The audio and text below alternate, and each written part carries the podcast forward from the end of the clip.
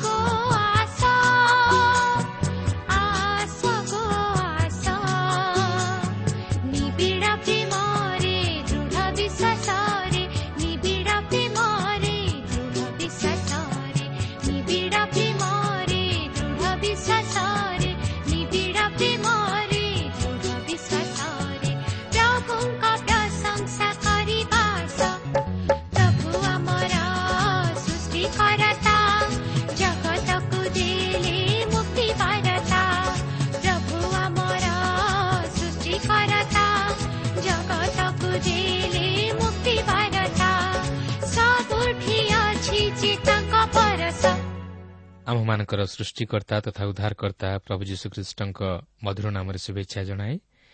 ଆଜିର ଏହି ପଥ ପ୍ରଦର୍ଶିକା କାର୍ଯ୍ୟକ୍ରମରେ ଅଂଶ ହେବା ନିମନ୍ତେ ସ୍ୱାଗତ ଜଣାଏ। ଆପଣଙ୍କର ସହଯୋଗ ତଥା ମତାମତ ନିମନ୍ତେ ବିଶେଷ ଧନ୍ୟବାଦ।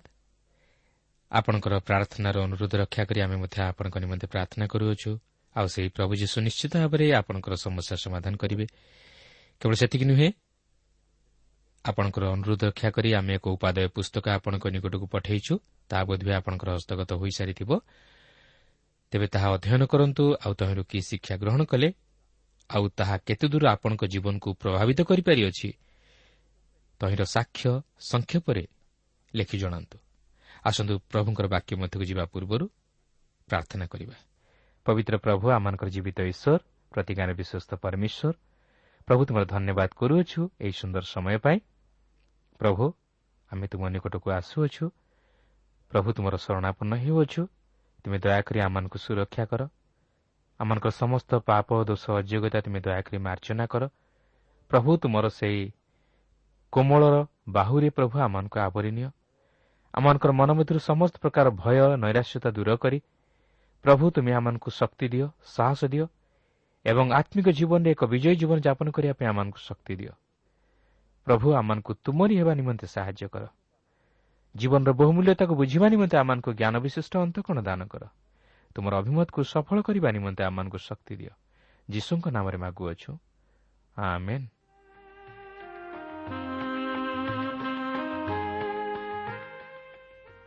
ଆସନ୍ତୁ ବର୍ତ୍ତମାନ ଆମେ ପ୍ରଭୁଙ୍କର ବାକ୍ୟ ମଧ୍ୟକୁ ଯିବା।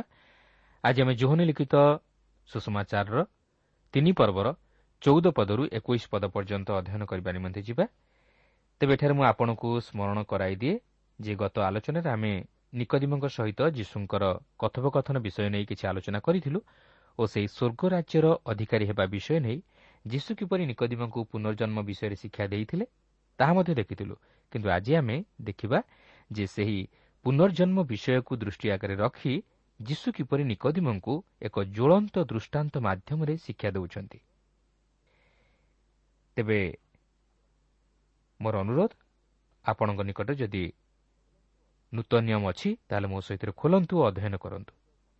ଦେଖନ୍ତୁ ତିନି ପର୍ବର ଚଉଦ ଓ ପନ୍ଦର ପଦରେ ଯୀଶୁ ନିକଦେମଙ୍କୁ ଏହିପରି କହନ୍ତି ପୁଣି ମୂଷା ଯେ ପ୍ରକାର ପ୍ରାନ୍ତରରେ ସର୍ପକୁ ଉର୍ଦ୍ଧ୍ୱକୁ ଉଠାଇଥିଲେ ମନୁଷ୍ୟପୁତ୍ର ଅବଶ୍ୟ ସେହି ପ୍ରକାର ଉର୍ଦ୍ଧ୍ୱକୁ ଉଠାଯିବେ।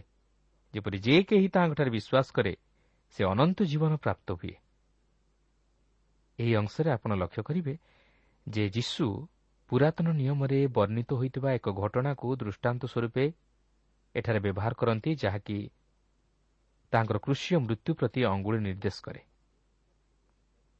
ଆପଣ ଜାଣିଥିବେ ମୂଷା ଯେତେବେଳେ ଇସ୍ରାଏଲ୍ ସନ୍ତାନଗଣକୁ ସେହି ପ୍ରାନ୍ତର ମଧ୍ୟ ଦେଇ କଢ଼ାଇ ଆଣୁଥିଲେ ସେତେବେଳେ ସେହି ପ୍ରାନ୍ତର ମଧ୍ୟରେ ସେମାନେ ପାପ କରିବା ହେତୁ ସେହି ପ୍ରାନ୍ତର ମଧ୍ୟରେ ଦାହକ ସର୍ପ ଦ୍ୱାରା ଦଂଶିତ ହୋଇ ଅନେକ ପ୍ରାଣତ୍ୟାଗ କଲେ। ମାତ୍ର ସେହି ସମୟରେ ମୂଷା ଈଶ୍ୱରଙ୍କ ଆଦେଶ ଅନୁଯାୟୀ ପିତ୍ତଳରେ ଏକ ସର୍ପ ନିର୍ମାଣ କରି ତାହାକୁ ଏକ ଖୁମ୍ବ ଉପରେ ଉର୍ଦ୍ଧ୍ୱରେ ସ୍ଥାପନ କରିଥିଲେ। ଯେପରି ସେମାନେ ସେହି ଦାହକ ସର୍ପ ଦ୍ୱାରା ଦଂଶିତ ହୋଇ ସେହି ପିତ୍ତଳର ସର୍ପ ପ୍ରତି ଦୃଷ୍ଟି କଲେ ରକ୍ଷା ପାଆନ୍ତି। ବାସ୍ତବରେ ଏହା ଥିଲା ଏକ ବିଶ୍ୱାସର ବିଷୟ। ସେହି ପିତ୍ତଳ ସର୍ପ ଯେ ସେମାନଙ୍କ ଜୀବନକୁ ରକ୍ଷା କଲା ତାହା ନୁହେଁ ମାତ୍ର ସେମାନଙ୍କର ବିଶ୍ୱାସ ହେତୁ ସେମାନେ ରକ୍ଷା ପାଇଲେ। କିନ୍ତୁ ତାହା ଥିଲା ଉଦ୍ଧାରର ଏକ ମାଧ୍ୟମ ମାତ୍ର। ତେବେ ଯୀଶୁ ଏଠାରେ କହନ୍ତି ମୂଷା ଯେ ପ୍ରକାର ପ୍ରାନ୍ତରରେ ସର୍ପକୁ ଉର୍ଦ୍ଧ୍ୱକୁ ଉଠାଇଥିଲେ ମନୁଷ୍ୟପୁତ୍ର ଅବଶ୍ୟ ସେହି ପ୍ରକାର ଉର୍ଦ୍ଧ୍ୱକୁ ଉଠାଯିବେ। ଆପଣ ଦେଖନ୍ତୁ ସେହି ସର୍ପ ଇସ୍ରାଏଲ୍ ସନ୍ତାନଗଣର ପାପକୁ ଦର୍ଶାଉଥିଲା। ଠିକ୍ ସେହିପରି ପ୍ରଭୁ ଯୀଶୁଖ୍ରୀଷ୍ଟ ଆମମାନଙ୍କର ପାପ ସବୁ ବହନ କରି ନିଜେ ପାପ ସ୍ୱରୂପ ହେଲେ ଓ ସେ ସେହି କୃଷରେ ଆମମାନଙ୍କ ନିମନ୍ତେ ପାପ ସ୍ୱରୂପ ହୋଇ କୃଷରେ ଟଙ୍ଗା ଗଲେ। ଯେପରି ଯେ କେହି ତାହାଙ୍କ ପ୍ରତି ବିଶ୍ୱାସର ସହିତ ଦୃଷ୍ଟି କରେ ସେ ବିନଷ୍ଟ ନ ହୋଇ ଅନନ୍ତ ଜୀବନ ପ୍ରାପ୍ତ ହୁଏ। କାରଣ ଏହା ହିଁ ଥିଲା ଈଶ୍ୱରଙ୍କର ଯୋଜନା ଯେ ସମଗ୍ର ମାନବ ଜାତି ଯେପରି ସେହି ପ୍ରଭୁ ଯୀଶୁ ଖ୍ରୀଷ୍ଟଙ୍କ କୃଷ ପ୍ରତି ଦୃଷ୍ଟି କରି ପାପରୁ ଉଦ୍ଧାର ପାଆନ୍ତି ଓ ଅନନ୍ତ ମୃତ୍ୟୁରୁ ରକ୍ଷା ପାଇ ଅନନ୍ତ ଜୀବନରେ ପ୍ରବେଶ କରନ୍ତି। ସେଦିନ ଯେଉଁମାନେ ସେହି ପ୍ରାନ୍ତର ମଧ୍ୟରେ ପିତ୍ତଳ ସର୍ପ ପ୍ରତି ଦୃଷ୍ଟି କରି ମୃତ୍ୟୁରୁ ଉଦ୍ଧାର ପାଇଥିଲେ ସେମାନେ ବାସ୍ତବରେ ପିତ୍ତଳ ସର୍ପ ପ୍ରତି ନୁହେଁ ମାତ୍ର ଖ୍ରୀଷ୍ଟଙ୍କ ପ୍ରତି ବିଶ୍ୱାସରେ ଦୃଷ୍ଟି କରି ଉଦ୍ଧାର ପାଇଥିଲେ କାରଣ ତାହା ଖ୍ରୀଷ୍ଟଙ୍କର କୃଷିୟ ମୃତ୍ୟୁ ପ୍ରତି ଅଙ୍ଗୁଳି ନିର୍ଦ୍ଦେଶ କରୁଥିଲା ଓ ତାହା ଏହି ନୂତନ ନିୟମରେ ଖ୍ରୀଷ୍ଟଙ୍କ କୃଷିୟ ମୃତ୍ୟୁରେ ହିଁ ସଫଳ ହେଲା। ତେଣୁ ଦେଖନ୍ତୁ ତିନି ପର୍ବର ଷୋହଳ ପଦରେ ସେ ନିକଦିମଙ୍କୁ ପରିଷ୍କାର ଭାବେ ଜଣାଇ ଦିଅନ୍ତି କାରଣ ଈଶ୍ୱର ଜଗତକୁ ଏଡ଼େ ପ୍ରେମ କଲେ ଯେ ସେ ଆପଣ ଅଦ୍ୱିତୀୟ ପୁତ୍ରଙ୍କୁ ଦାନ କଲେ ଯେପରି ଯେ କେହି ତାହାଙ୍କଠାରେ ବିଶ୍ୱାସ କରେ ସେ ବିନଷ୍ଟ ନ ହୋଇ ଅନନ୍ତ ଜୀବନ ପ୍ରାପ୍ତ ହୁଏ ଏହି ଅଂଶରେ ଯୀଶୁ ଦୁଇଟି ବିଷୟକୁ ପ୍ରକାଶ କରିବାକୁ ଚାହାନ୍ତି। ପ୍ରଥମତଃ ସେ କହିବାକୁ ଚାହାନ୍ତି ଆମେ ଯେପରି ତାହାଙ୍କଠାରେ ବିଶ୍ୱାସ କରି ପୁନର୍ଜନ୍ମ ଲାଭ କରୁ ଓ ଦ୍ୱିତୀୟଟି ହେଉଛି ସେ ଉର୍ଦ୍ଧ୍ୱକୁ ଉଠାଯିବେ। ତେବେ ମନୁଷ୍ୟପୁତ୍ର ଅର୍ଥାତ୍ ପ୍ରଭୁ ଯୀଶୁଖ୍ରୀଷ୍ଟ ଯେ ଉର୍ଦ୍ଧ୍ୱକୁ ଉଠାଯିବେ ଏଥିରେ ଆମେ ଦୁଇଟି ବିଷୟ ଦେଖିବାକୁ ପାରୁଛୁ। ଏହା ପ୍ରଭୁ ଯୀଶୁଖ୍ରୀଷ୍ଟଙ୍କର ମୃତ୍ୟୁକୁ ଓ ତାହାଙ୍କର ପୁନରୁତ୍ଥାନକୁ ଦର୍ଶାଏ। ତେଣୁ ପ୍ରଭୁ ଯୀଶୁଖ୍ରୀଷ୍ଟ ଉର୍ଦ୍ଧ୍ୱକୁ ଉଠାଇ ଯାଇଥିବାରୁ ଓ ସେ ଆମମାନଙ୍କର ପାପ ସବୁ ବହନ କରି ନିଜେ ପାପ ସ୍ୱରୂପ ହୋଇ କୃଷି ମୃତ୍ୟୁ ଭୋଗ କରି ମୃତ୍ୟୁକୁ ଜୟ କରିଥିବାରୁ ଈଶ୍ୱରଙ୍କ ଆତ୍ମା ଆମ୍ଭମାନଙ୍କୁ ଖ୍ରୀଷ୍ଟଙ୍କ ହେତୁ ଆମମାନଙ୍କ ହୃଦୟରେ କାର୍ଯ୍ୟ ସାଧନ କରି ଆମ୍ଭମାନଙ୍କ ହୃଦୟରେ ଏକ ନୂତନ ଜୀବନ ବା ସ୍ୱଭାବ ପ୍ରଦାନ କରନ୍ତି। ତେଣୁକରି ଆମ ପ୍ରତ୍ୟେକଙ୍କୁ ପୁନର୍ଜନ୍ମ ଲାଭ କରିବାକୁ ହେବ। କାରଣ ସେହି ପ୍ରଭୁ ଯୀଶୁ ଖ୍ରୀଷ୍ଟଙ୍କ ମାଧ୍ୟମ ଦେଇ ନ ଗଲେ ଆମେ କେବେ ହେଲେ ଈଶ୍ୱରଙ୍କ ନିକଟରେ ଗୃହୀତ ହୋଇପାରିବା ନାହିଁ। ଏହା ହିଁ ଥିଲା ସୃଷ୍ଟିର ଆରମ୍ଭରୁ ଈଶ୍ୱରଙ୍କର ମହତ୍ ଯୋଜନା। ଯେପରି ପ୍ରଭୁ ଯୀଶୁଖ୍ରୀଷ୍ଟଙ୍କ ଦ୍ୱାରା ପ୍ରାୟଶ୍ଚିତ କାର୍ଯ୍ୟ ସାଧନ ହୁଏ ଓ ସମଗ୍ର ମାନବ ଜାତି ଯୀଶୁଖ୍ରୀଷ୍ଟଙ୍କଠାରେ ବିଶ୍ୱାସ କରିବା ଦ୍ୱାରା ଅନନ୍ତ ଜୀବନ ପ୍ରାପ୍ତ ହୁଅନ୍ତି। ସେଥିପାଇଁ ପ୍ରଭୁ ଯୀଶୁ କହନ୍ତି ଈଶ୍ୱର ଜଗତକୁ ଏଡ଼େ ପ୍ରେମ କଲେ ଯେ ସେ ଆପଣ ଅଦ୍ୱିତୀୟ ପୁତ୍ରଙ୍କୁ ଦାନ କଲେ। ଅର୍ଥାତ୍ ଈଶ୍ୱର ତାଙ୍କର ପ୍ରେମ ଦ୍ୱାରା ଜଗତକୁ ଉଦ୍ଧାର କଲେ ନାହିଁ ମାତ୍ର ତାହାଙ୍କର ଅନୁଗ୍ରହ ଦ୍ୱାରା ପାପିକୁ ଉଦ୍ଧାର କଲେ ଯାହାକି ସେ ସେହି ଅନୁଗ୍ରହ ଓ ପ୍ରେମ ପ୍ରଭୁ ଯୀଶୁଖ୍ରୀଷ୍ଟଙ୍କ ମାଧ୍ୟମରେ ଜଗତ ନିକଟରେ ପ୍ରକାଶ କଲେ। ସେଥିପାଇଁ ଏଫିସିଓ ଦୁଇ ପର୍ବର ଆଠ ଓ ନଅ ପଦରେ ଏହିପରି ଲେଖା ଅଛି କାରଣ ଅନୁଗ୍ରହରେ ବିଶ୍ୱାସ ଦ୍ୱାରା ତୁମେମାନେ ପରିତ୍ରାଣ ପାଇଅଛ। ତାହା ତୁମମାନଙ୍କ ନିଜଠାରୁ ହୋଇନାହିଁ ତାହା ଈଶ୍ୱରଙ୍କ ଦାନ। କ୍ରିୟାକର୍ମରୁ ନୁହେଁ ଯେପରି କେହି ଦର୍ପ ନ କରେ। ତେବେ ସେହି ବିଶ୍ୱାସ କାହାଠାରେ କରିବା ଦ୍ୱାରା ଆମମାନେ ପାପରୁ ଉଦ୍ଧାର ପାଇବା? ସେହି ବିଶ୍ୱାସ ଖ୍ରୀଷ୍ଟଙ୍କଠାରେ କରିବା ଦ୍ୱାରା ଆମେ ପାପରୁ ଉଦ୍ଧାର ପାଇବା। ସେଥିପାଇଁ ଲେଖାଯାଏ ଯେପରି ଯେ କେହି ତାହାଙ୍କଠାରେ ବିଶ୍ୱାସ କରେ ସେ ବିନଷ୍ଟ ନ ହୋଇ ଅନନ୍ତ ଜୀବନ ପ୍ରାପ୍ତ ହୁଏ। ଅର୍ଥାତ୍ ଆପଣ ହୁଅନ୍ତୁ ବା ମୁଁ ହୁଏ ଆମେ ଯେ କେହି ହେଉନା କାହିଁକି। ଯଦି ଆମେ ସେହି ଯୀଶୁଖ୍ରୀଷ୍ଟଙ୍କଠାରେ ବିଶ୍ୱାସ କରିବା ତାହେଲେ ଆମେ ବିନଷ୍ଟ ନ ହୋଇ ଅନନ୍ତ ଜୀବନ ପ୍ରାପ୍ତ ହେବା। କାରଣ ସେହି ପ୍ରଭୁ ଯୀଶୁଖ୍ରୀଷ୍ଟ ଆମମାନଙ୍କର ପାପ ନିମନ୍ତେ କୃଷରେ ବଳି ହେଲେ। ସେ ଆମମାନଙ୍କ ନିମନ୍ତେ ପାପ ସ୍ୱରୂପ ହୋଇ କୃଷରେ ଟଙ୍କା ଗଲେ। ଯେପରି ଆପଣ ଓ ମୁଁ ଆମେ ତାହାଙ୍କଠାରେ ବିଶ୍ୱାସ କରିବା ଦ୍ୱାରା ପାପରୁ ଉଦ୍ଧାର ପାଇ ଅନନ୍ତ ଜୀବନର ଅଧିକାରୀ ହେଉ। ସେଥିପାଇଁ ପ୍ରଭୁ ଯୀଶୁଖ୍ରୀଷ୍ଟ ଅନୁଗ୍ରହ ଓ ସତ୍ୟରେ ପରିପୂର୍ଣ୍ଣ ହୋଇ ଆମମାନଙ୍କ ମଧ୍ୟକୁ ଆସିଲେ। ଅର୍ଥାତ୍ ଈଶ୍ୱରଙ୍କ ସତ୍ୟତା ଓ ଅନୁଗ୍ରହ ଖ୍ରୀଷ୍ଟଙ୍କ ମାଧ୍ୟମରେ ଆମମାନଙ୍କ ପ୍ରତି ପ୍ରକାଶିତ ହେଲା।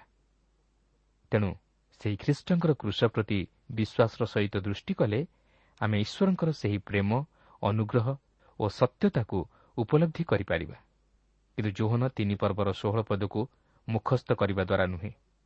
ତେଣୁ ପ୍ରିୟ ବନ୍ଧୁ ପ୍ରଭୁ ଯୀଶୁଖ୍ରୀଷ୍ଟ ଯେ ଆପଣଙ୍କ ପାପ ନିମନ୍ତେ କୃଷି ମୃତ୍ୟୁଭୋଗ କରିଛନ୍ତି ଏହା ଆପଣଙ୍କୁ ବିଶ୍ୱାସ କରିବାକୁ ହେବ। ତାହେଲେ ଆପଣ ପାପରୁ ଉଦ୍ଧାର ପାଇ ସେ ଅନନ୍ତ ଜୀବନର ଅଧିକାରୀ ହୋଇପାରିବେ।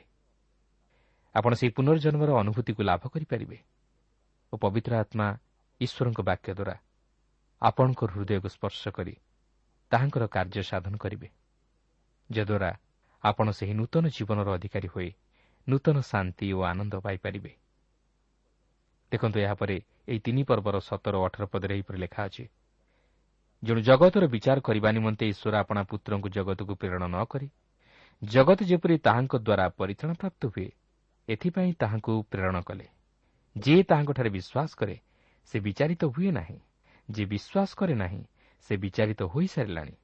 କାରଣ ସେ ଈଶ୍ୱରଙ୍କ ଅଦ୍ୱିତୀୟ ପୁତ୍ରଙ୍କ ନାମରେ ବିଶ୍ୱାସ କରିନାହିଁ ଏହି ଅଂଶରେ ଆପଣ ଲକ୍ଷ୍ୟ କରିବେ ଯୀଶୁ ନିକଦିମଙ୍କୁ ସ୍ପଷ୍ଟ ରୂପେ କହନ୍ତି ଯେ ସେ ଏହି ଜଗତର ବିଚାର କରିବାକୁ ଆସିନାହାନ୍ତି ମାତ୍ର ଜଗତକୁ ପାପରୁ ଉଦ୍ଧାର କରିବାକୁ ଆସିଅଛନ୍ତି ଅର୍ଥାତ୍ ସେ ଉଦ୍ଧାରକର୍ତ୍ତା ରୂପେ ଆସିଅଛନ୍ତି ଆଉ ସେ କହନ୍ତି ଯେ ଈଶ୍ୱର ତାହାଙ୍କୁ ଜଗତର ବିଚାର କରିବା ନିମନ୍ତେ ପ୍ରେରଣ କରିନାହାନ୍ତି ମାତ୍ର ଜଗତ ଯେପରି ତାହାଙ୍କ ଦ୍ୱାରା ଉଦ୍ଧାରପ୍ରାପ୍ତ ହୁଏ ଏଥି ନିମନ୍ତେ ପ୍ରେରଣ କରିଅଛନ୍ତି।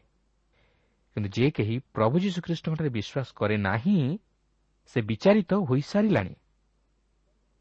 ପ୍ରିୟ ବନ୍ଧୁ ଆପଣ ଯଦି ପ୍ରଭୁ ଯୀଶୁଙ୍କଠାରେ ବିଶ୍ୱାସ ନ କରନ୍ତି ତାହେଲେ ଆପଣ ବିଚାରିତ ହୋଇସାରିଲେଣି। କାରଣ ଆପଣ ସେହି ଉଦ୍ଧାରକର୍ତ୍ତାଙ୍କୁ ଅଗ୍ରାହ୍ୟ କରିଅଛନ୍ତି। କିନ୍ତୁ ଆପଣ ଯଦି ପ୍ରଭୁ ଯୀଶୁଖ୍ରୀଷ୍ଟଙ୍କଠାରେ ବିଶ୍ୱାସ କରିଛନ୍ତି ଓ ତାହାଙ୍କୁ ଉଦ୍ଧାରକର୍ତ୍ତା ରୂପେ ହୃଦୟରେ ଗ୍ରହଣ କରିଅଛନ୍ତି ତାହେଲେ ଆପଣ ବିଚାରିତ ନ ହୋଇ ପାପରୁ ଉଦ୍ଧାର ପାଇଅଛନ୍ତି ଓ ସେହି ଅନନ୍ତ ଜୀବନରେ ପ୍ରବେଶ କରିଅଛନ୍ତି। ତେବେ ପ୍ରଭୁ ଯୀଶୁ ଏଠାରେ ନିକଦିମଙ୍କୁ ଏପରି କହିବାର କାରଣ ହେଉଛି ଯେ ନିକଦିମ ଜଣେ ଫାରୁସି ଥିଲେ ଓ ଫାରୁସିମାନେ ବିଶ୍ୱାସ କରୁଥିଲେ ଯେ ମସିହ ଯେତେବେଳେ ଏହି ଜଗତକୁ ଆଗମନ କରିବେ ସେ ଜଣେ ବିଚାରକ ରୂପେ ଆଗମନ କରିବେ। କିନ୍ତୁ ପୁରାତନ ନିୟମ ମସିହଙ୍କର ଆଗମନ ନେଇ ଦୁଇଟି ବିଷୟ ପ୍ରକାଶ କରନ୍ତି। ପ୍ରଥମତଃ ସେ ଜଣେ ଉଦ୍ଧାରକର୍ତ୍ତା ରୂପେ ଆଗମନ କରି ପାପରୁ ଉଦ୍ଧାର କରିବା ନିମନ୍ତେ ପ୍ରାୟଶ୍ଚିତ ବଳି ସାଧନ କରିବା ପାଇଁ ମୃତ୍ୟୁଭୋଗ କରିବେ ଓ ଦ୍ୱିତୀୟରେ ସେ ଜଣେ ବିଚାରକର୍ତ୍ତା ରୂପେ ଆଗମନ କରି ଏହି ଜଗତର ବିଚାର କରିବେ। କିନ୍ତୁ ପ୍ରଭୁ ଯୀଶୁ ଏଠାରେ ପରିଷ୍କାର ଭାବେ ନିକୋଦିମଙ୍କୁ ଜଣାଇ ଦିଅନ୍ତି ଯେ ସେ ଏହି ସମୟରେ ଜଗତର ବିଚାର କରିବାକୁ ଆସିନାହାନ୍ତି। ମାତ୍ର ଜଗତକୁ ପାପରୁ ଉଦ୍ଧାର କରିବାକୁ ଆସିଅଛନ୍ତି। ମାତ୍ର ସେ ପୁନର୍ବାର ଏହି ଜଗତକୁ ଆଗମନ କରିବାକୁ ଯାଉଅଛନ୍ତି ଆଉ ସେତେବେଳେ ସେ ଏକ ବିଚାରକ ସ୍ୱରୂପେ ଆଗମନ କରିବେ ସେତେବେଳେ ସେ ଏହି ଜଗତର ବିଚାର କରିବେ। ମାତ୍ର ପ୍ରଭୁ ଯୀଶୁ ତାଙ୍କର ପ୍ରଥମ ଆଗମନରେ ଜଣେ ବିଚାରକ ରୂପରେ ଆସିନଥିଲେ ମାତ୍ର ଉଦ୍ଧାରକର୍ତ୍ତା ରୂପେ ଆସିଥିଲେ। ଯେପରି ସେ ସମଗ୍ର ମାନବ ଜାତିକୁ ପାପରୁ ଉଦ୍ଧାର କରିପାରନ୍ତି। ପ୍ରିୟ ବନ୍ଧୁ ଆଜି ଯଦି ଆପଣ ପ୍ରଭୁ ଯୀଶୁଖ୍ରୀଷ୍ଟଙ୍କୁ ଉଦ୍ଧାରକର୍ତ୍ତା ରୂପେ ହୃଦୟରେ ବିଶ୍ୱାସର ସହିତ ଗ୍ରହଣ କରିଅଛନ୍ତି ତାହେଲେ ଆପଣ ସେହି ବିଚାରରୁ ରକ୍ଷା ପାଇଛନ୍ତି। କିନ୍ତୁ ଆପଣ ଯଦି ପ୍ରଭୁ ଯୀଶୁଙ୍କ ବିଷୟରେ ଜାଣି ସୁଦ୍ଧା ଏପର୍ଯ୍ୟନ୍ତ ତାହାଙ୍କୁ ଉଦ୍ଧାରକର୍ତ୍ତା ରୂପେ ଗ୍ରହଣ କରିନାହାନ୍ତି ତାହେଲେ ଆପଣ ପାପରୁ ଉଦ୍ଧାର ପାଇପାରି ନାହାନ୍ତି ଯଦ୍ୱାରା ଆପଣ ତାହାଙ୍କ ଦ୍ୱାରା ବା ଈଶ୍ୱରଙ୍କର ଦ୍ୱାରା ବିଚାରିତ ହେବେ। ଆଉ ଆପଣ ଈଶ୍ୱରଙ୍କ ବିଚାରର ଅଧୀନରେ ଅଛନ୍ତି। ପ୍ରିୟ ବନ୍ଧୁ ଆଜି ଆମେ ଏହି ବିନାଶ ରୂପକ ଜଗତ ମଧ୍ୟରେ ଅଛୁ। ଆଜି ଏହି ଜଗତ କଳୁଷିତ। କିନ୍ତୁ ଏହି ଜଗତ ମଧ୍ୟରେ ଯଦି ଆମେ ପ୍ରଭୁ ଯୀଶୁଙ୍କର ବାକ୍ୟ ପ୍ରତି ମନ ନ ଦେଉ ଓ ତାହାଙ୍କଠାରେ ବିଶ୍ୱାସ କରି ତାହାଙ୍କୁ ଉଦ୍ଧାରକର୍ତ୍ତା ରୂପେ ଗ୍ରହଣ ନ କରୁ ତାହେଲେ ଆମେ କିପରି ଉଦ୍ଧାର ପାଇବା? ଆଜି ଯେଉଁମାନେ ନିଜର ପାପରୁ ମନ ନ ଫେରାଇ ପ୍ରଭୁ ଯୀଶୁ ଖ୍ରୀଷ୍ଟଙ୍କଠାରେ ବିଶ୍ୱାସ ନ କରନ୍ତି ସେମାନେ ସେହି ବିନାଶର ପଥରେ ହିଁ ଗମନ କରନ୍ତି। ତେଣୁ ଏହି ନଷ୍ଟକଳ୍ପ ଜଗତ ମଧ୍ୟରେ ଯଦି ଆମେ ପ୍ରଭୁ ଯୀଶୁଙ୍କୁ ଉଦ୍ଧାରକର୍ତ୍ତା ରୂପେ ବିଶ୍ୱାସରେ ଗ୍ରହଣ ନ କରୁ ତାହେଲେ ଆମେ ସେହି ବିନାଶର ପଥରେ ଯାଉଛୁ। ଏହାର ଅର୍ଥ ଆମେ ଈଶ୍ୱରଙ୍କ ଦ୍ୱାରା ବିଚାରିତ ହୋଇସାରିଛୁ। ତଥାପି ଈଶ୍ୱର ତାଙ୍କର ଅସୀମ ଅନୁଗ୍ରହରେ ଆମମାନଙ୍କୁ ସୁଯୋଗ ଉପରେ ସୁଯୋଗ ଦିଅନ୍ତି ଓ ଆମମାନଙ୍କୁ ଉଦ୍ଧାର କରିବା ପାଇଁ ଚାହାନ୍ତି। ସେ ଚାହାନ୍ତି ନାହିଁ ଆମେ ବିନାଶ ହେଉ ବୋଲି। ମାତ୍ର ଯଦି ଆମେ ଶକ୍ତ ଗ୍ରୀବ ହୋଇ ରହୁ ଓ ପାପରେ ଜୀବନ କାଟୁ ତାହେଲେ ଆମେ ନିଜେ ନିଜ ଉପରକୁ ବିନାଶ ଆଣୁ। ତେଣୁ ଆଜି ଆପଣ ଚିନ୍ତା କରନ୍ତୁ ଆପଣଙ୍କର ଜୀବନର ସ୍ଥିତି କିପରି ଅଛି। ଆପଣ କ'ଣ ପ୍ରଭୁ ଯୀଶୁଖ୍ରୀଷ୍ଟଙ୍କଠାରେ ବିଶ୍ୱାସ କରି ପାପରୁ ଉଦ୍ଧାର ପାଇସାରିଛନ୍ତି? ନା ଈଶ୍ୱରଙ୍କ ବିଚାରର ଅଧୀନରେ ଅଛନ୍ତି? କାରଣ ପବିତ୍ର ବାଇବଲ କହେ ସମସ୍ତେ ପାପ କରିଅଛନ୍ତି ଓ ଈଶ୍ୱରଙ୍କ ମହିମାରୁ ଉଣା ପଡ଼ିଅଛନ୍ତି। ତେଣୁ ଆପଣ ଯଦି ପ୍ରଭୁ ଯୀଶୁଖ୍ରୀଷ୍ଟଙ୍କଠାରେ ବିଶ୍ୱାସ କରନ୍ତି ତାହେଲେ ଆପଣ ବିଚାରିତ ହେବେ ନାହିଁ। କିନ୍ତୁ ଯଦି ଆପଣ ବିଶ୍ୱାସ କରିନାହାନ୍ତି ତାହେଲେ ଆପଣ ସେହି ଈଶ୍ୱରଙ୍କ ବିଚାରର ଅଧୀନରେ ଅଛନ୍ତି। କାରଣ ଏହି ଜଗତ ହେଉଛି ନଷ୍ଟକଳ୍ପ ତଥା କଳୁଷିତ ଜଗତ ବିନାଶ ପ୍ରାପ୍ତ ଜଗତ। ଏହି ଜଗତ ବିନଷ୍ଟ ହେବା ପାଇଁ ଯାଉଅଛି। ଦେଖନ୍ତୁ ଏହାପରେ ସେହି ବିଚାର କ'ଣ ସେହି ବିଷୟ ନେଇ ପ୍ରଭୁ ଯୀଶୁ କ'ଣ କହନ୍ତି? ଉଣେଇଶରୁ ଏକୋଇଶ ପଦ ମଧ୍ୟରେ ଏହିପରି ଲେଖା ଅଛି। ଆଉ ସେହି ବିଚାର ଏହି ଜଗତରେ ଜ୍ୟୋତି ପ୍ରକାଶିତ ହୋଇଅଛି। ଆଉ ଲୋକମାନେ ଜ୍ୟୋତି ଅପେକ୍ଷା ବରଂ ଅନ୍ଧକାରକୁ ଭଲ ପାଇଲେ। ଯେଣୁ ସେମାନଙ୍କର କର୍ମ ସବୁ ମନ୍ଦ। କାରଣ ଯେ କେହି କୁକର୍ମ କରେ ସେ ଜ୍ୟୋତିକି ଘୃଣା କରେ। ପୁଣି କାଳେ ତାହାର କର୍ମର ଦୋଷ ପ୍ରକାଶିତ ହୁଏ ଏଥିପାଇଁ ସେ ଜ୍ୟୋତି ନିକଟକୁ ଆସେ ନାହିଁ। କିନ୍ତୁ ଯେ କେହି ସତ୍ୟ ଆଚରଣ କରେ ସେ ଜ୍ୟୋତି ନିକଟକୁ ଆସେ। ଯେପରି ତାହାର କର୍ମ ସବୁ ଈଶ୍ୱରଙ୍କଠାରେ ସାଧିତ ବୋଲି ପ୍ରକାଶିତ ହୁଏ। ଏହା ହିଁ ହେଉଛି ଜଗତର ବିଚାର। ଏହା ବର୍ତ୍ତମାନ ଈଶ୍ୱରଙ୍କ ଦ୍ୱାରା ବିଚାରିତ ହେବାକୁ ଯାଉଅଛି।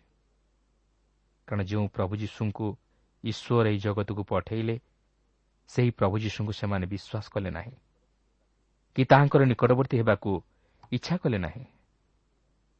ଏହା ଈଶ୍ୱରଙ୍କର ଇଚ୍ଛା ନଥିଲା ଯେ ମନୁଷ୍ୟ ବିଚାରିତ ହେଉ। ମାତ୍ର ମନୁଷ୍ୟ ନିଜର କଳୁଷିତ ହୃଦୟ ହେତୁ ଅନ୍ଧକାରକୁ ଭଲ ପାଇବାରୁ ସେ ନିଜେ ନିଜ ଜୀବନ ପ୍ରତି ଈଶ୍ୱରଙ୍କର ବିଚାର ଆଣେ। ଓଡ଼ିଆରେ ଏକ ପ୍ରବାଦ ଅଛି ଚୋର ମନ ଚୋର ଗଣ୍ଠିରେ ଅର୍ଥାତ୍ ମନୁଷ୍ୟ ନିଜର ମନ୍ଦକର୍ମ ଓ କଳୁଷିତ ହୃଦୟ ହେତୁ ଆଲୋକର ନିକଟବର୍ତ୍ତୀ ହେବାକୁ ଇଚ୍ଛା କରେ ନାହିଁ। କାରଣ ସେ ଭାବେ କାଳେ ତାହାର ମନ୍ଦକର୍ମ ସବୁ ପ୍ରକାଶ ପାଇଯିବ କି?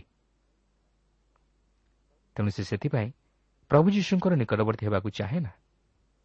ଯଦ୍ୱାରା ସେ ନିଜେ ନିଜର ଜୀବନ ପ୍ରତି ବିନାଶ ଆଣେ। ମାତ୍ର ପ୍ରଭୁ ଯୀଶୁଖ୍ରୀଷ୍ଟ କହନ୍ତି ମୁଁ ଧାର୍ମିକମାନଙ୍କୁ ଆହ୍ୱାନ କରିବା ନିମନ୍ତେ ଆସିନାହିଁ ମାତ୍ର ପାପୀମାନଙ୍କୁ ଆହ୍ୱାନ କରିବା ନିମନ୍ତେ ଆସିଅଛି। ସେ ମଧ୍ୟ କହନ୍ତି ମୁଁ ଜଗତର ଜ୍ୟୋତି ଯିଏ ମୋହର ଅନୁଗମନ କରେ ସେ କେବେ ହିଁ ଅନ୍ଧକାରରେ ଭ୍ରମଣ କରିବ ନାହିଁ ବରଂ ଜୀବନର ଜ୍ୟୋତି ପାଇବ। ପ୍ରିୟ ବନ୍ଧୁ ଆଜି ଯଦି ଆପଣଙ୍କ ଜୀବନ ସେହି ଆତ୍ମିକ ଅନ୍ଧକାର ମଧ୍ୟରେ ଅଛି ତାହେଲେ ଆହୁରି ଅନ୍ଧକାର ମଧ୍ୟକୁ ଗତି କରନ୍ତୁ ନାହିଁ କି ଅନ୍ଧକାରର ବିଷୟକୁ ଅର୍ଥାତ୍ ନିଜର ପାପକୁ ଛପାଇ ରଖି ଆହୁରି ଅଧିକ ପାପ କରନ୍ତୁ ନାହିଁ। ମାତ୍ର ପ୍ରଭୁ ଯୀଶୁଖ୍ରୀଷ୍ଟଙ୍କ ନିକଟକୁ ଯାଆନ୍ତୁ ଓ ତାହାଙ୍କ ନିକଟରେ ନିଜର ପାପ ସ୍ୱୀକାର କରି ପାପରୁ କ୍ଷମା ମାଗନ୍ତୁ। ଆଉ ସେହି ପାପରୁ ଉଦ୍ଧାର ପାଇ ତାହାଙ୍କର ଜ୍ୟୋତିରେ ଚାଲିବାକୁ ଚେଷ୍ଟା କରନ୍ତୁ। ତାହେଲେ ଆପଣ ଈଶ୍ୱରଙ୍କ ଦ୍ୱାରା ବିଚାରିତ ହେବେ ନାହିଁ। କିନ୍ତୁ ଆପଣ ଦେଖନ୍ତୁ ଈଶ୍ୱର ଚାହାନ୍ତି ନାହିଁ ମନୁଷ୍ୟ ବିଚାରିତ ହେଉ ବା ବିନଷ୍ଟ ହେଉ। ତେଣୁକରି ସେ ମନୁଷ୍ୟ ନିମନ୍ତେ ଉଦ୍ଧାର ଯୋଜନା ପ୍ରସ୍ତୁତ କଲେ। ମାତ୍ର ମନୁଷ୍ୟ ଆଜି ନିଜେ ଅନ୍ଧକାରକୁ ପ୍ରେମ କରି ଅର୍ଥାତ୍ ପାପକୁ ପ୍ରେମ କରି ଜ୍ୟୋତିକୁ ଅର୍ଥାତ୍ ପ୍ରଭୁ ଯୀଶୁଙ୍କୁ ଅଗ୍ରାହ୍ୟ କରେ। ତେଣୁ ସେ ନିଜେ ନିଜ ଉପରକୁ ବିନାଶ ଆଣେ। କିନ୍ତୁ ଈଶ୍ୱର ଯଦିଓ ପାପୀକୁ ପ୍ରେମ କରନ୍ତି ମାତ୍ର ସେ ପାପକୁ ଘୃଣା କରନ୍ତି। ତେଣୁ ମନୁଷ୍ୟ ଆଜି ପାପ କରି ଈଶ୍ୱରଙ୍କଠାରୁ ଦୂରବର୍ତ୍ତୀ ଜୀବନ କାଟିଲେ ମଧ୍ୟ ଈଶ୍ୱର ଅନୁଗ୍ରହ କରି ତାହା ନିମନ୍ତେ ସୁଯୋଗ ଦିଅନ୍ତି ଯେପରି ସେ ପ୍ରଭୁ ଯୀଶୁଙ୍କଠାରେ ବିଶ୍ୱାସ କରି ଉଦ୍ଧାର ପାଏ। ମାତ୍ର ମନୁଷ୍ୟ ଯଦି ତଥାପି ଶକ୍ତ ଗ୍ରୀବ ହୋଇ ପ୍ରଭୁ ଯୀଶୁଙ୍କଠାରେ ବିଶ୍ୱାସ ନ କରି ସେହି ଅନୁଗ୍ରହକୁ ପ୍ରତ୍ୟାଖ୍ୟାନ କରେ ତାହେଲେ ସେ ନିଜେ ନିଜ ଉପରକୁ ବିନାଶ ଆଣେ। ପ୍ରିୟ ବନ୍ଧୁ ମନେ ରଖନ୍ତୁ ଈଶ୍ୱର ଦୀର୍ଘ ସହିଷ୍ଣୁ ମାତ୍ର ଚିର ସହିଷ୍ଣୁ ନୁହନ୍ତି। ତେଣୁ ସମୟ ଥାଉଁ ଥାଉଁ ସେହି ଜ୍ୟୋତି ନିକଟକୁ ଯାଆନ୍ତୁ ଓ ସେହି ଜ୍ୟୋତିକୁ ଗ୍ରହଣ କରି ନିଜର ଆତ୍ମିକ ଜୀବନର ଅନ୍ଧକାରକୁ ଦୂର କରନ୍ତୁ। ତାହେଲେ ଆପଣ ଅନ୍ଧକାରର କର୍ମ ସବୁରୁ ଦୂରବର୍ତ୍ତୀ ଜୀବନ କାଟି ଆଲୋକର ପଥରେ ଚାଲିପାରିବେ। କାରଣ ସେହି ପ୍ରଭୁ ଯୀଶୁଖ୍ରୀଷ୍ଟ ଯିଏକି ଜ୍ୟୋତି ସ୍ୱରୂପ ସେ ଆପଣଙ୍କୁ ତାହାଙ୍କ ଜ୍ୟୋତିରେ କଢ଼ାଇ ନେବେ। ଫଳତଃ ଆପଣ ଏହି ଜଗତର ଅନ୍ଧକାରର ବିଷୟ ସବୁରେ ଝୁଣ୍ଟି ନ ପଡ଼ି ଜୀବନର ଲକ୍ଷ୍ୟସ୍ଥଳରେ ପହଞ୍ଚିପାରିବେ ଓ ସେହି ଅନନ୍ତ ଜୀବନର ଅଧିକାରୀ ହୋଇପାରିବେ। ତେବେ ଏଠାରେ ଯୀଶୁ ନିକଦିମଙ୍କ ସହିତ କଥାବାର୍ତ୍ତା ସମାପ୍ତ କଲେ କିନ୍ତୁ ଆପଣଙ୍କ ମନରେ ପ୍ରଶ୍ନ ଉଠିପାରେ ଯେ ନିକଦିମ କ'ଣ ଯୀଶୁଙ୍କଠାରେ ବିଶ୍ୱାସ କରି ତାହାକୁ ଗ୍ରହଣ କରିଥିଲେ କି? ହଁ ସେ ବିଶ୍ୱାସ କରିଥିଲେ। ତା ନ ହୋଇଥିଲେ ସେ ଯୀଶୁଙ୍କ ସପକ୍ଷରେ ରହି କଥା କହିନଥାନ୍ତେ ବା ତାହାଙ୍କର ବିରୁଦ୍ଧରେ ଫାରୁସିମାନେ ନିନ୍ଦା କରି ଯେଉଁ ସମସ୍ତ ଅପବାଦ ରଟନା କରିଥିଲେ ତହିଁର ପ୍ରତିବାଦ କରିନଥାନ୍ତେ ଜୋହନ ସାତ ପର୍ବର ପଚାଶ ଓ ଏକାବନ ପଦରେ ଲେଖା ଅଛି ଯେଉଁ ନିକଦିମ ଏଥିପୂର୍ବେ ତାହାଙ୍କ ନିକଟକୁ ଆସିଥିଲେ ଓ ଯେ ସେମାନଙ୍କ ମଧ୍ୟରେ ଜଣେ ସେ ସେମାନଙ୍କୁ ପଚାରିଲେ ଜଣେ ଲୋକଠାରୁ ପ୍ରଥମେ ନ ଶୁଣି ଓ ତାହାର ଆଚରଣ ବିଷୟ ନ ଜାଣି ଆମମାନଙ୍କର ବ୍ୟବସ୍ଥା କ'ଣ ତାହାକୁ ଦୋଷୀ କରେ? କେବଳ ସେତିକି ନୁହେଁ ଏଥିସହିତ ଆପଣ ଦେଖିବେ ଯେ ଏହି ନିକଦିମ ଯୀଶୁଙ୍କର ମର ଶରୀର ନିମନ୍ତେ ପଚାଶ ସେର ଗନ୍ଧରସ ମିଶ୍ରିତ ଅଗୁରୁ ଘେନି ଆସିଲେ ଯାହାକି ଜୋହନ ଉଣେଇଶ ପର୍ବର ଅଣଚାଳିଶ ଓ ଚାଳିଶ ପଦରେ ଲେଖା ଅଛି। ତେଣୁ ଏଥିରୁ ଜଣାଯାଏ ଯେ ସେଦିନ ନିକଦିମ ଯୀଶୁଙ୍କୁ ବିଶ୍ୱାସର ସହିତ ଗ୍ରହଣ କରିଥିଲେ ଓ ସେହି ସ୍ୱର୍ଗ ରାଜ୍ୟର ପରିଚୟ ପାଇଥିଲେ। ସେଦିନ ଯୀଶୁଙ୍କର ସେହି ଶିକ୍ଷା ନିକଦିମଙ୍କ ହୃଦୟରେ ଏକ ବାସ୍ତବ ପରିବର୍ତ୍ତନ ଆଣିଦେଇଥିଲା ଓ ମୁଁ ବିଶ୍ୱାସ କରେ ଯେ ସେ ସେହି ନୂତନ ଜୀବନର ନୂତନ ସ୍ୱାଦ ତଥା ଆନନ୍ଦ ଓ ଶାନ୍ତିକୁ ଉପଲବ୍ଧି କରିପାରିଥିଲେ। ସେ ଯୀଶୁଙ୍କର ଏହି ବାକ୍ୟକୁ ବିଶ୍ୱାସ କରିଥିବାରୁ ତାଙ୍କର ମର ଶରୀରକୁ ମଧ୍ୟ ସୁଗନ୍ଧି ଦ୍ରବ୍ୟରେ ମଖାଇ ଦେଇଥିଲେ। କାରଣ ସେ ପ୍ରଭୁ ଯୀଶୁଙ୍କର ସେହି କୃଷ୍ୟ ମୃତ୍ୟୁର ମହତ୍ତ୍ୱକୁ ଉପଲବ୍ଧି କରିଥିଲେ। ପ୍ରିୟ ବନ୍ଧୁ ଆସୁ ସେହି ପ୍ରଭୁ ଯୀଶୁଖ୍ରୀଷ୍ଟଙ୍କଠାରେ ନିଜର ପାପ ସବୁ ସ୍ୱୀକାର କରି ତାହାଙ୍କୁ ଉଦ୍ଧାରକର୍ତ୍ତା ରୂପେ ଗ୍ରହଣ କରି ଅନନ୍ତ ଜୀବନର ଅଧିକାରୀ ହେଉ।